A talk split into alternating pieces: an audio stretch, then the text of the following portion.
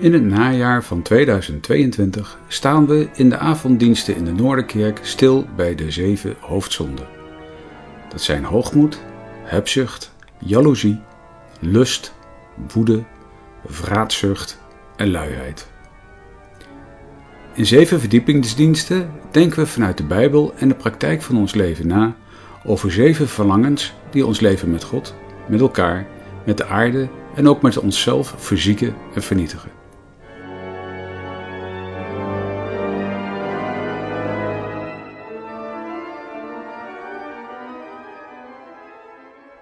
De eerste verdiepingsdienst gaat over hoogmoed. Voorganger is dominee Dick Wolters. Opgenomen op 11 september 2022 in de Noorderkerk te Amsterdam. Vanavond starten we een serie verdiepingsdiensten over de zeven hoofdzonden. Ik weet niet of u weet, vorig seizoen hebben we nog een serie gedaan over de tien geboden. De hoofdzonden, als we die behandelen, zul je merken, proberen we een spade dieper te steken dan concrete daden als stelen, liegen, doden. Maar te komen tot de bron. Waar komt al de ellende uit voort? En sterker nog, hoe kunnen we die bron van ons leven zo reinigen? Hoe kan die gezuiverd worden? Dat in de bron van ons bestaan ons verlangen zich richt tot God, die het leven is en het leven geeft. Vanavond de eerste over de hoogmoed. Twee lezingen. De eerste uit Jesaja 2, de versen 11 tot met 17.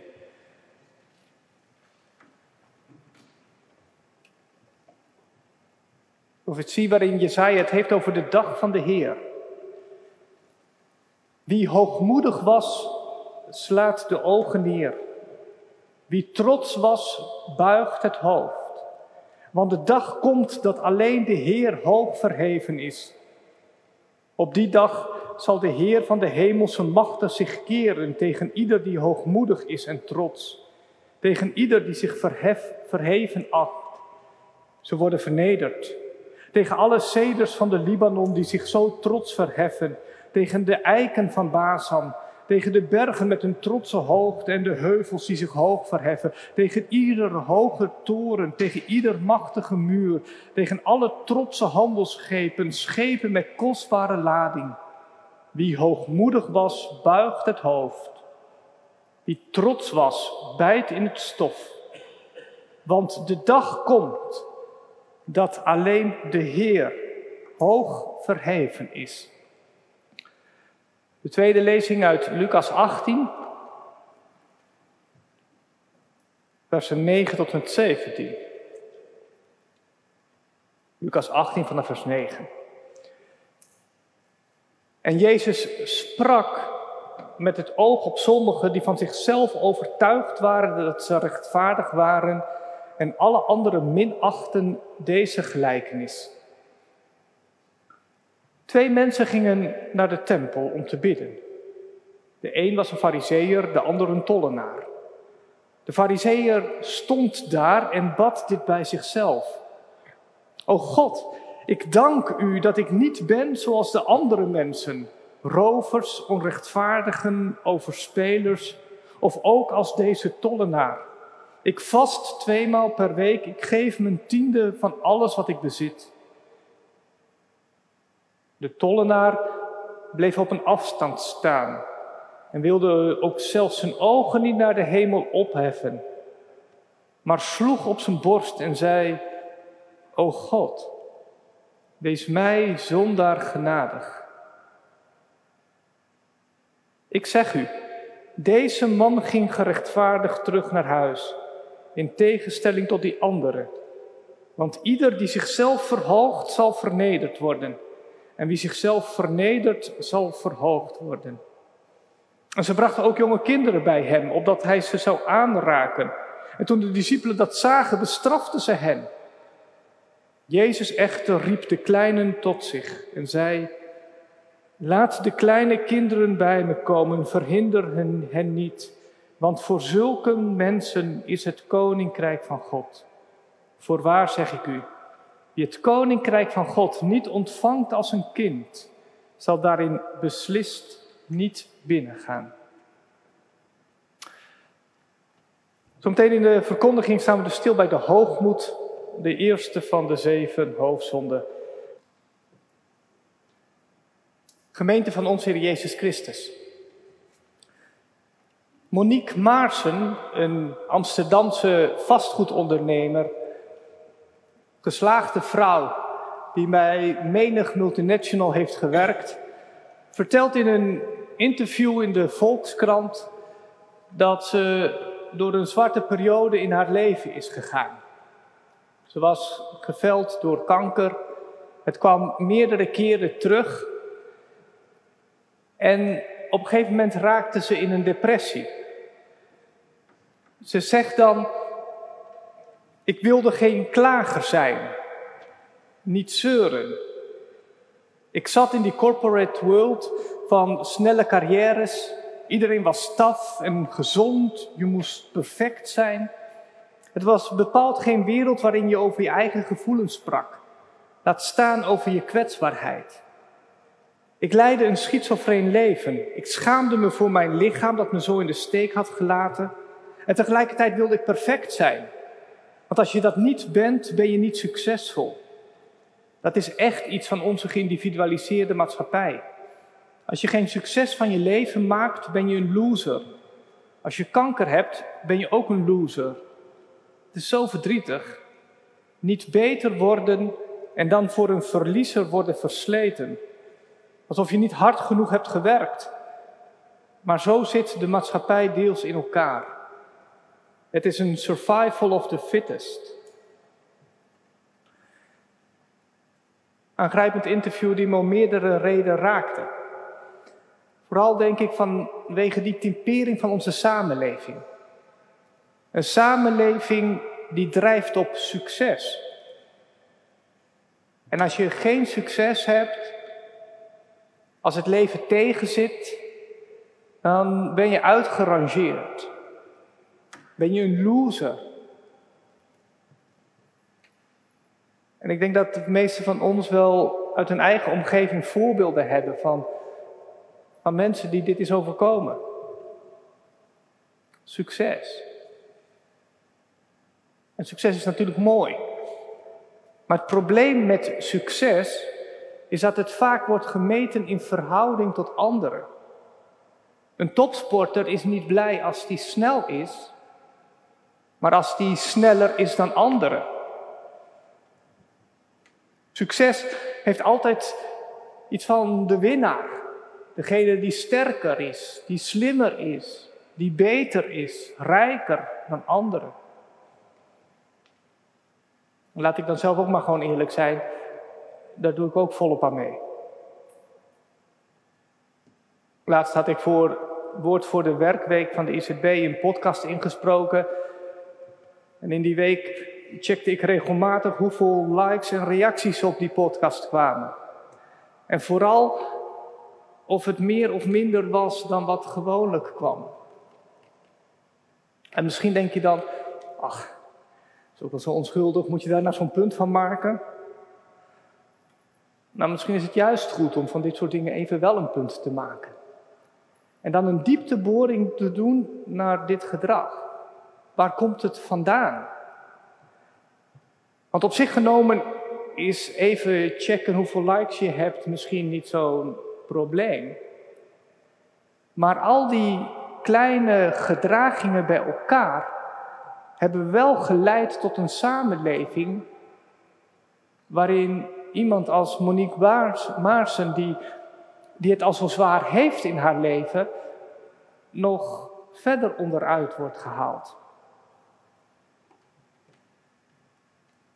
En in de tweede plaats denk ik dat het goed is om een diepteboring te doen en te kijken naar dit gedrag, omdat het nu misschien wat onschuldig lijkt, maar het kan ook leiden tot veel erger en zelfs destructief gedrag. Destructief voor jezelf bijvoorbeeld, een, een topsporter die, die doping gaat gebruiken. Destructief voor anderen, als het leidt tot pestgedrag. Destructief voor deze wereld, Als de machthebbers op hun tronen gebruik gaan maken van wapens. Maar de belangrijkste reden om een diepteboring te doen, lijkt me dat je jezelf daarmee beter leert kennen. Dat het inzicht geeft in wie je bent en wat de diepste motieven zijn die je leven sturen. Dat is denk ik het belangrijkste wat we in deze serie rondom hoofdzonde willen doen. Waar gaat ons verlangen naar uit? Waarin hopen wij het geluk te vinden? Waardoor worden onze gedachten, onze woorden, onze daden geleid? Gaat ons verlangen volledig uit naar God? Of zit er diep van binnen nog zoveel ruis? Zoveel waardoor we het in andere dingen zoeken. Als je bij jezelf binnenin kijkt, zit daar iets van hoogmoed, hebzucht, jaloezie, lust, woede, praatzucht, luiheid. Het zijn de zeven hoofdzonden, die niet focussen op concrete daden, moord of diefstal. Misschien wat onschuldiger op een roddel of een woedeuitbarsting. Maar die kijken naar de bron waaruit dat allemaal voortkomt. Die zeven hoofdzonden die, die zijn ooit ontstaan in, in de kloostertraditie. Bij de vroege woestijnvaders bijvoorbeeld. Die in, in retraite, in stilte, in gebed waren en in die stilte geconfronteerd werden met zichzelf. En daarin ontdekten dat ze helemaal niets beter waren dan anderen. Ze, ze kwamen zichzelf tegen. En ontdekten, ja, we kunnen misschien wel 24/7 met God bezig zijn. En daardoor plegen we geen moord of iets dergelijks. Maar maar ik word nog steeds boos op, op mijn broeder. En in gedachten kan ik, kan ik hem zelfs vervloeken. En ten diepste komt dat uit diezelfde bron van woede voort. Nou, ik hoop dus dat we bij deze serie die diepteboring durven te doen bij onszelf. En dat we niet tijdens het preken denken: hé, hey, maar dit is goed voor Pietje dat het eens een keer gezegd wordt. Zoals een gemeentelid die ik ooit sprak, die, die zei tegen mij: Je mag best wel eens wat steviger de zonde benoemen. Ik zeg: Oké, prima. Welke zonde in jouw leven wil je dat ik komende zondag benoem? Nou, dat, dat was niet helemaal de bedoeling. ik hoop dat wij het wel aandurven. Om echt bij onszelf te raden te gaan. Zeven hoofdzonden. En de eerste de grootste, misschien wel de kwalijkste, is de hoogmoed. C.S. Lewis noemt de hoogmoed het grootste kwaad. Want door hoogmoed, zegt hij, werd de duivel de duivel. Hoogmoed. En de kern zit erin dat je voortdurend jezelf met anderen zit te vergelijken waarbij je jezelf als uitgangspunt neemt.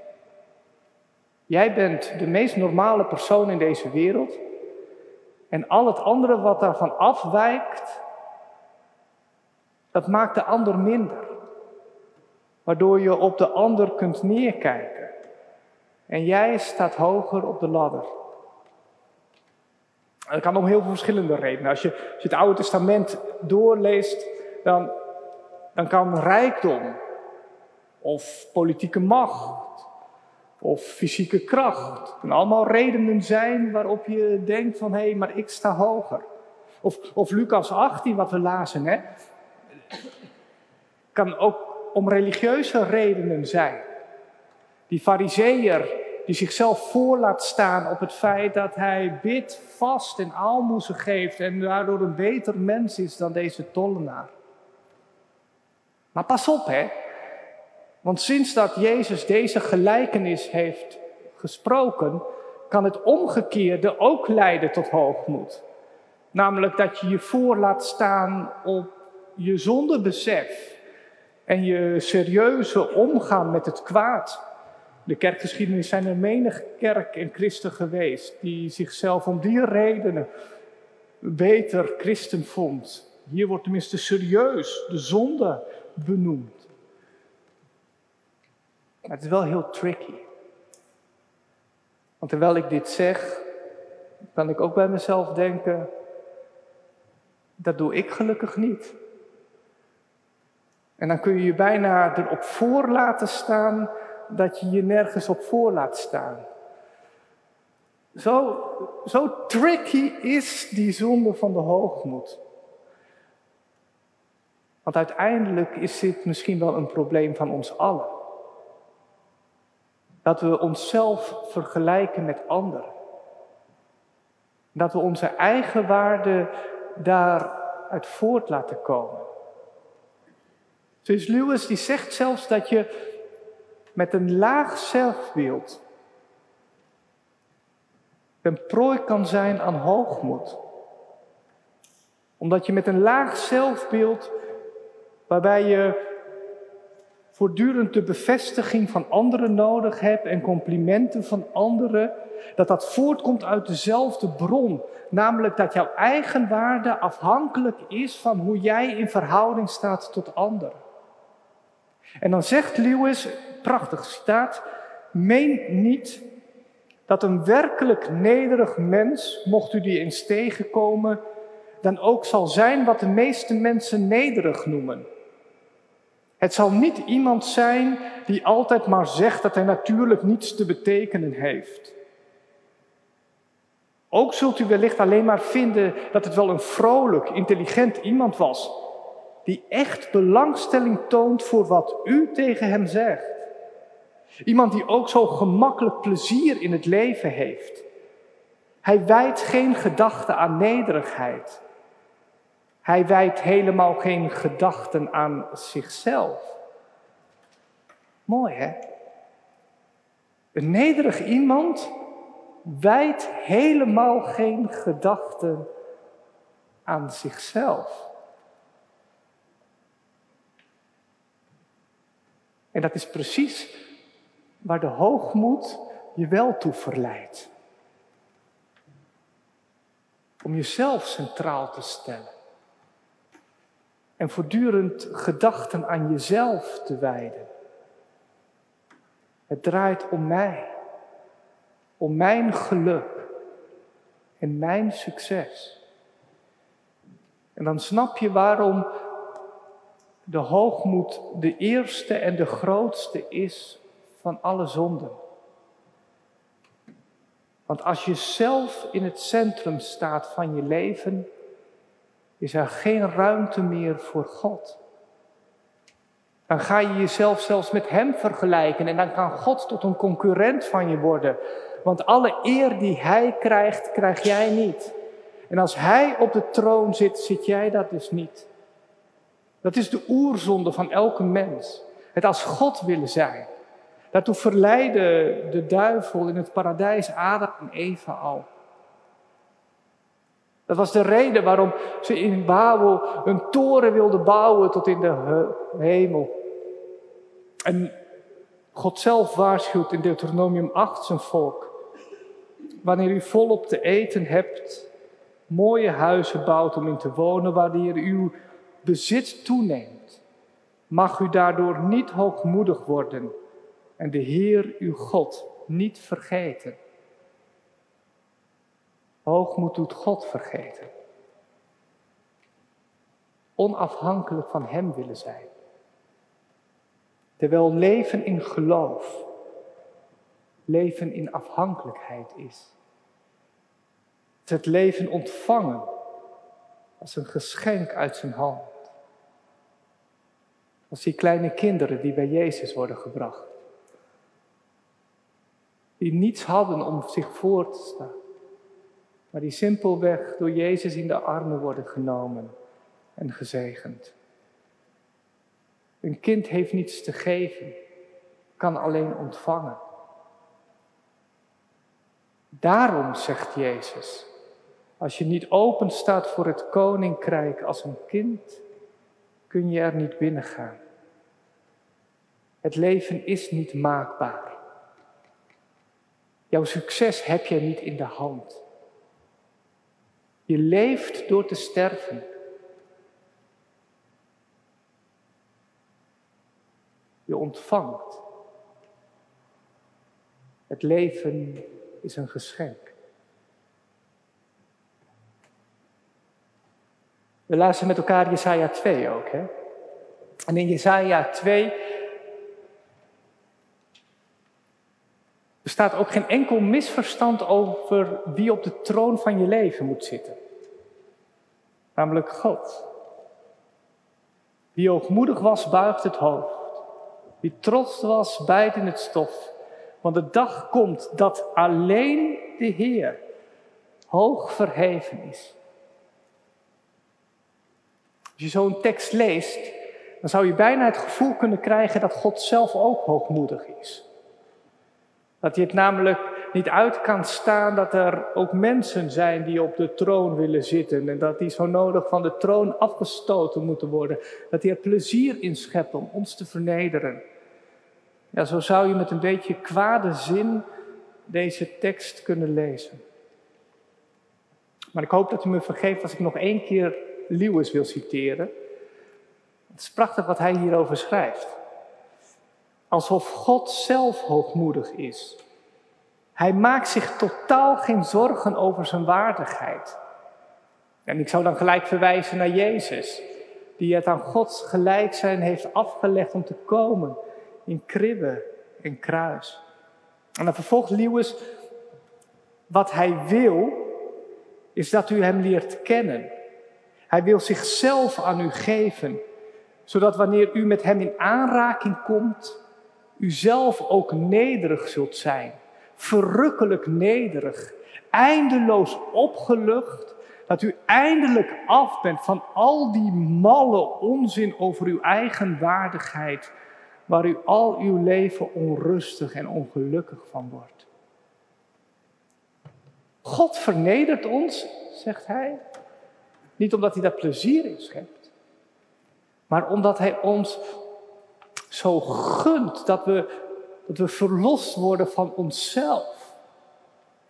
Dat we verlost worden van al die malligheid, dat we altijd maar onrustig met onszelf bezig zijn en daardoor het echte geluk niet vinden. God gunt je het echte leven.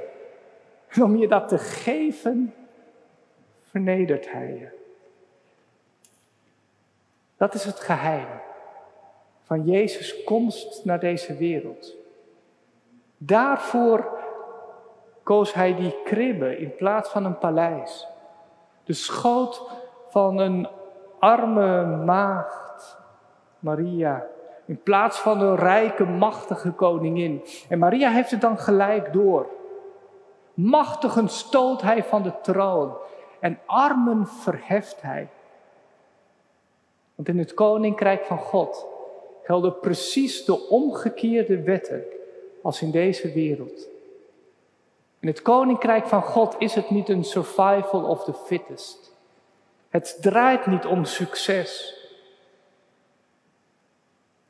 Maar kun je ook een loser zijn, die even niets hebt in te brengen en simpelweg ontvangt. Leeft in kwetsbare afhankelijkheid van God. De enige vraag die dan nog rest, is, mij, is hoe word je dat dan? Hoe kun je, als dit je verlangen is, hoe kun je de bron van je leven dan zo reinigen dat het van hoogmoed vrij is? Zoals, zoals we zongen met Psalm 131. Ik hou mijn hart van hoogmoed vrij. Hoe doe je dat? Eigenlijk wel een hele hoogmoedige vraag. Hoe doe ik dat? Die, die, die tollenaar die beseft, dat red ik niet. O Heer, wees mij zondaar genadig. Er is maar één die die, die die bron kan reinigen en dat is God. Nou, dan stel ik de vraag even iets anders. Maar hoe kan ik dan dit gebed leren bidden? Hoe leer ik het gebed van die tollenaar te bidden?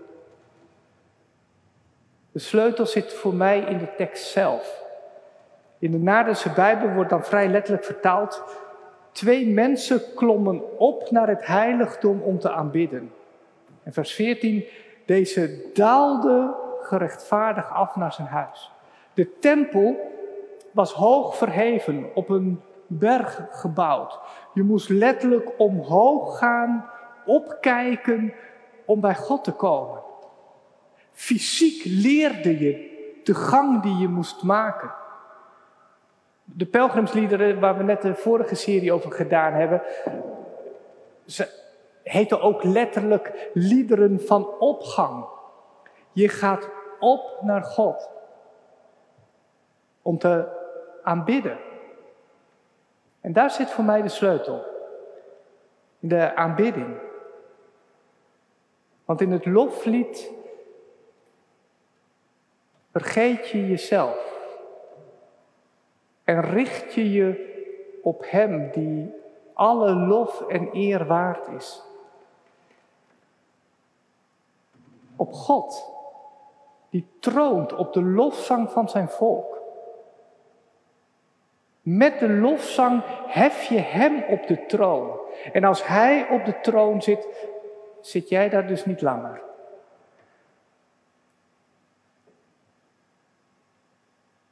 En misschien doe je dat wel tegen jezelf in. Heb je eigenlijk niet zoveel zin. Maar terwijl je het doet, gebeurt het wonder. Hij wordt groter. Jij wordt kleiner. Je verhoogt hem. En zelf leer je met Filippenzen 2 te bidden. Laat die gezindheid in mij zijn, die in Christus Jezus was. De gezindheid van Hem die zichzelf vernederde. Opdat in Zijn naam alle knie zich zal buigen en alle tong zal beleiden Jezus Christus is Heer, tot eer van God de Vader. Amen.